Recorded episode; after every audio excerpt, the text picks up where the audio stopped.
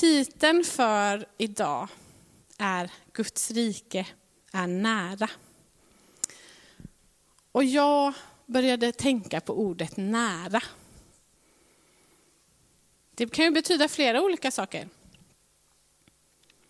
Det kan betyda att nära någon, att ge någon mat. Väldigt viktigt. Den som har svårt att äta själv kan behöva få hjälp. Det betyder nära, att få vara någon nära. Och det kan också vara det nära nu. Snart händer det, nära i tid. Jag tänkte mycket på den livsviktiga närheten. Det nyfödda barnets absoluta behov av närhet för att överleva. För att hitta mat, för att få värme och skydd. Jag tror några mammor, kanske speciellt här, som fick barn för längre, lite längre tillbaka, ni kanske fick höra, nej, skäm inte bort barnet. Ha, sov inte med barnet, ha inte barnet så nära hela tiden, den blir så bortskämd. Det har jag fått höra att man kunde säga för. Men det säger man inte nu, för man vet att det är så viktigt med just den här närheten hos mamma och pappa.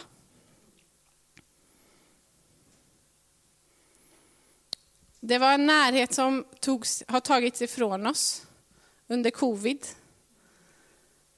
Och rapporter säger att det är både gamla, äldre och unga som har lidit av att den närheten att inte få träffas. Som har fått psykiska men av det, att inte få vara, komma nära. Både äldre och yngre har mått dåligt av det. Att få bli berövad den närheten som är gemenskap. För sjukdom och död, det kommer inte från Gud. Han vill inte det. Han vill att vi ska få leva i gemenskap. Och här satte sjukdomen en, försökte sätta en kil emellan, emellan oss. Därför är vi så glada att vi får träffas här idag och glada att det finns sätt att upprätthålla gemenskap på ändå. Paulus, han står i Aten och berättar för atenarna om den Gud som de ännu inte känner. Vi kan gå till Apostlagärningarna 17 och 22. Titta. Kärn, du är så snabb.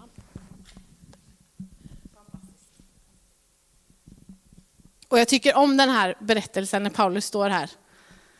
Att han fångar, han fångar verkligen stunden.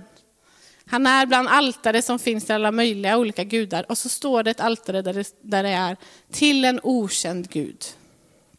Och då tar Paulus det tillfället. Och så, säger, så står det så här, Paulus ställde sig då mitt på aeropagen och sa, Atenare, jag ser att ni på alla sätt är mycket religiösa. En del eh, tror ju att de inte är religiösa, fast de är kanske lite religiösa i alla fall. När jag gick omkring och studerade era gudabilder fann jag nämligen också ett altare med inskriften åt en okänd gud.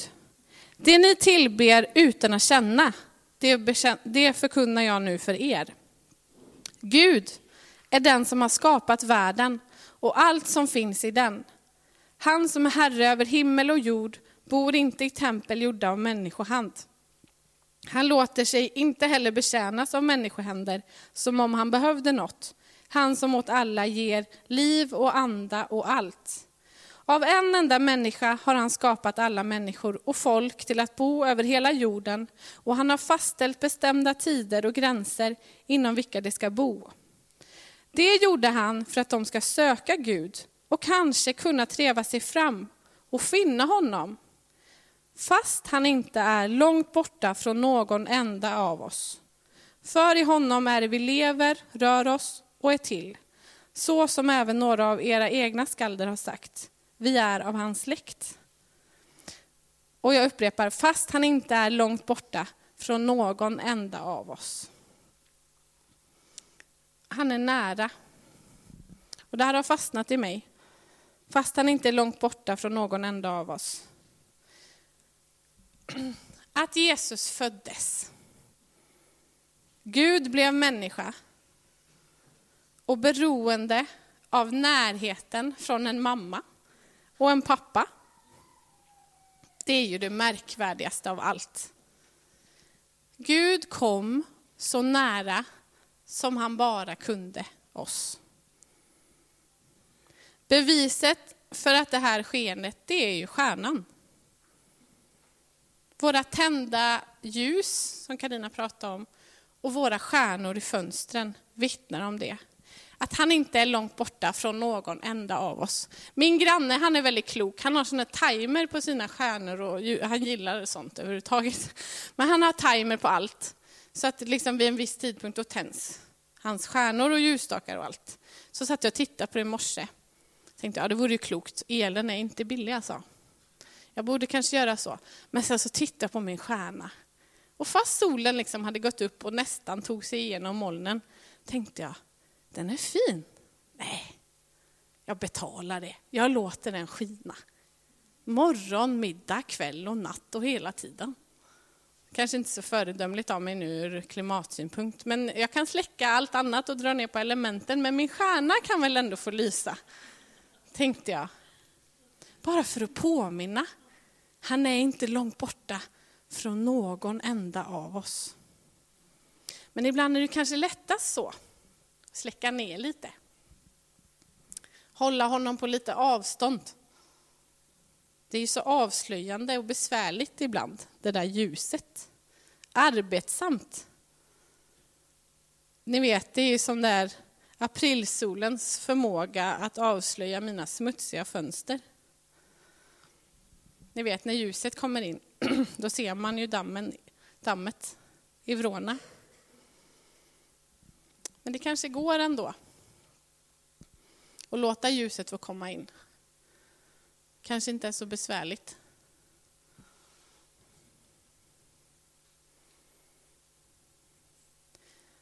Att låta honom komma in i alla vrårna.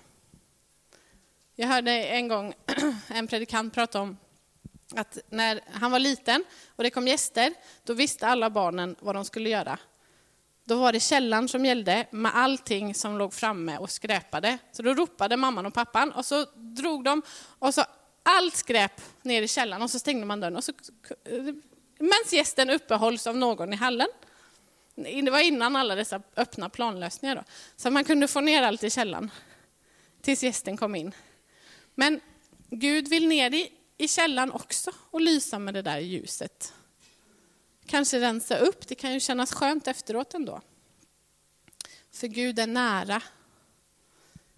Han är en bön, en viskning, en suck eller kanske ett rop bort bara. Jag har hört att John Wesleys mor, jag tror detta var John Wesley, det kan ha varit William Booth, och då, då får Håkan rätta mig. Eh, för att få egna stunder med Gud. Hon hade många barn. Men för att få egna stunder med Gud, då satte hon sig på golvet och drog för, det här är ju många, många år sedan då, såklart, 1800-tal. Drog eh, hon förklätt över huvudet och satte sig ner. För, och då visste barnen att nu ska mamma ha en stund med Gud. Så respekterade de hennes stund att få vara med Gud och släppa in ljuset. Jag tänker att om jag gjorde så skulle mina barn tycka att det vore en väldigt rolig lek att vara med i. Så jag får ha lite an, annan taktik. Toaletten är bra, kan man låsa. Ja, nära, Gud är nära. Ibland så kanske vi glömmer bort det, tar ett litet steg bort istället. Guds rike är också nära i tid. Jag tror människor i alla tider har sagt, nu är det så eländigt, nu måste han komma tillbaka. Men det är ju någonting av att vi längtar efter det. Efter jordens räddning. Vår jord är krigstrött. Den är dränerad på resurser. Guds rike är här och nu. Men det är också jordens räddning när han faktiskt kommer tillbaka.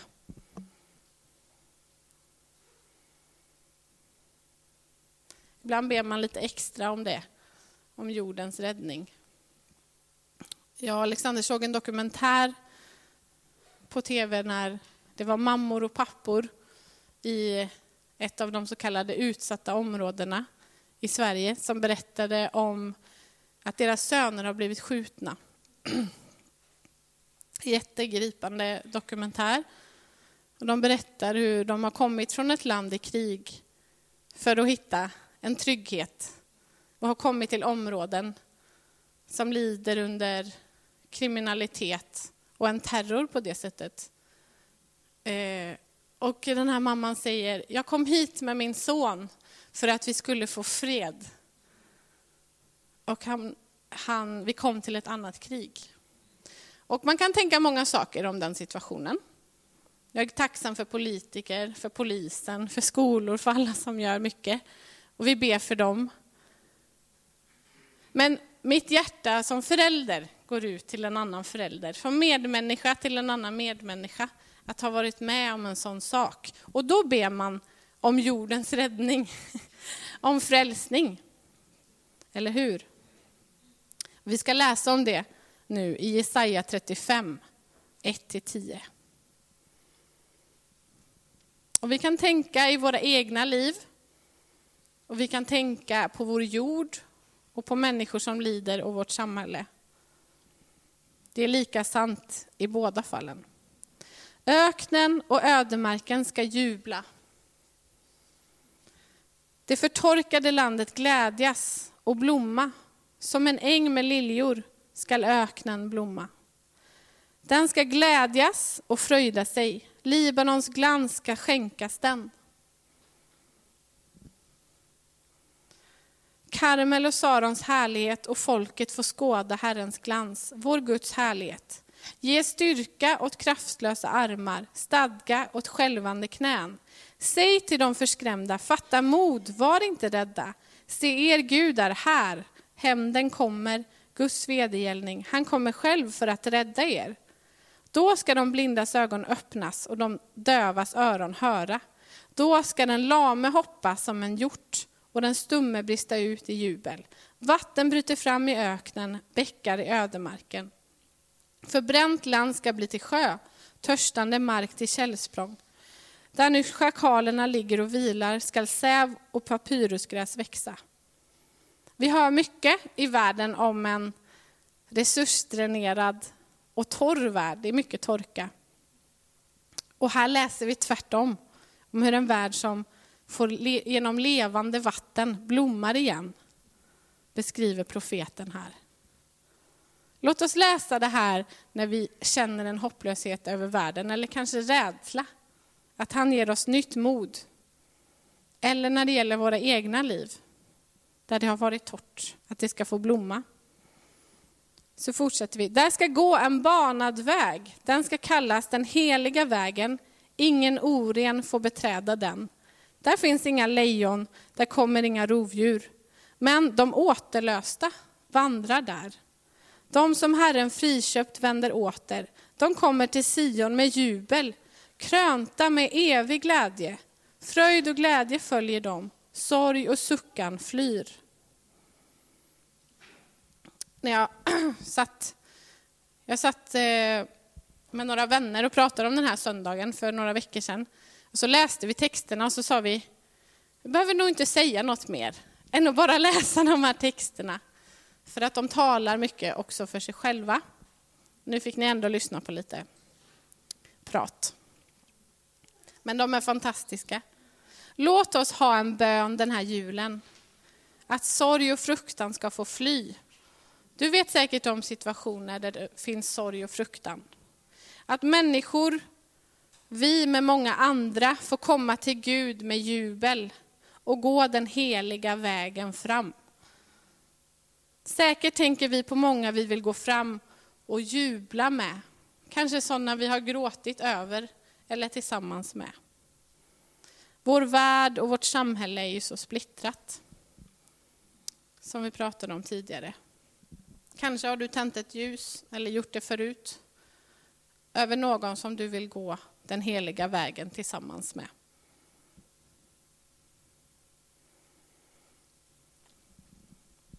Nu kommer vi till texten ifrån Matteus 13, 31-34. Det finns ju många favorittexter i Bibeln och det här är en av mina favoriter. Han lät dem höra, han la fram en annan liknelse för dem. Himmelriket är som ett senapskorn som en man tar och sår i sin åker. Det är minst av alla frön, men när du har växt upp är det störst av alla köksväxter och blir ett träd, så att himlens fåglar kommer och bygger bo bland grenarna. Alltså det här är så roligt. För att det är sån humor. För ett litet, litet senapskorn blir ju inte ett stort träd. Det är ju omöjligt. Men det är en typisk ekvation för Gud på något sätt. Det finns en film, en fin film som heter Gudar och människor som kom för nu, för några, nu är det nog ganska många år sedan, men som har berört mig. Eh, det handlar om ett eh, kloster i Algeriet med en grupp eh, män, en grupp munkar som lever och bor där och eh, de betjänar och finns till för och hjälper människorna i en by. Eh, med skola, sjukvård, finns där och, och stöttar och hjälper dem. Men under tiden de bor här så blir det, lider Algeriet av ett inbördeskrig.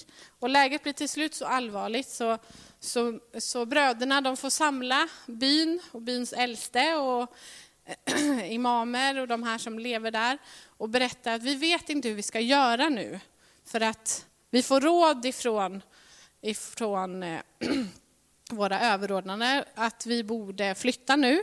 För nu är läget så allvarligt, och särskilt för främlingar och så vidare.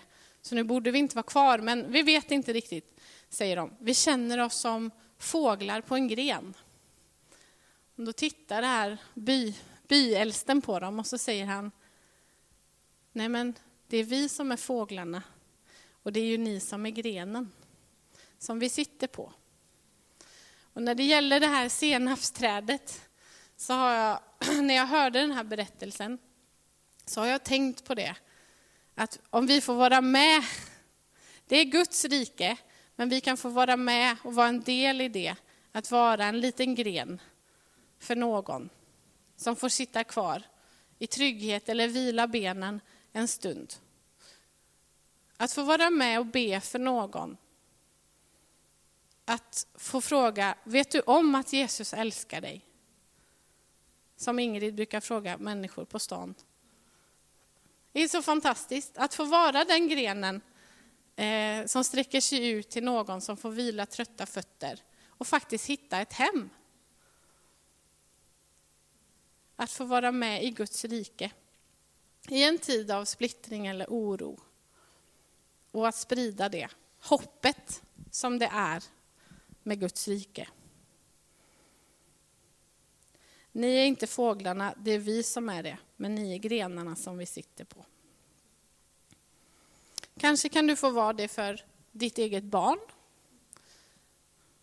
som har det svårt, eller din granne. Eller arbetskamrat. Jag hörde på nyheterna nu om eh, PROs ordförande. Efter det var en tragisk händelse att en, en människa hade gått bort ensam och hittades efter lång tid. Så, så gick PROs ordförande ut och vädjade och sa Prata lite med din granne. Kanske kan ni ta en kopp kaffe. Eller ha lite kontakt utefter smittläget som är. Men, men håll kontakten. Och det fick mig också att tänka på det här. Att, att se någon som är nära. Kanske du inte kan gå dit, men du kanske kan ringa någon. Att vi får öppna oss för stjärnans sanningsljus. Kanske det är inte så farligt att ta bort lite damm i hörnet. Det kanske är okej. Okay. Amen.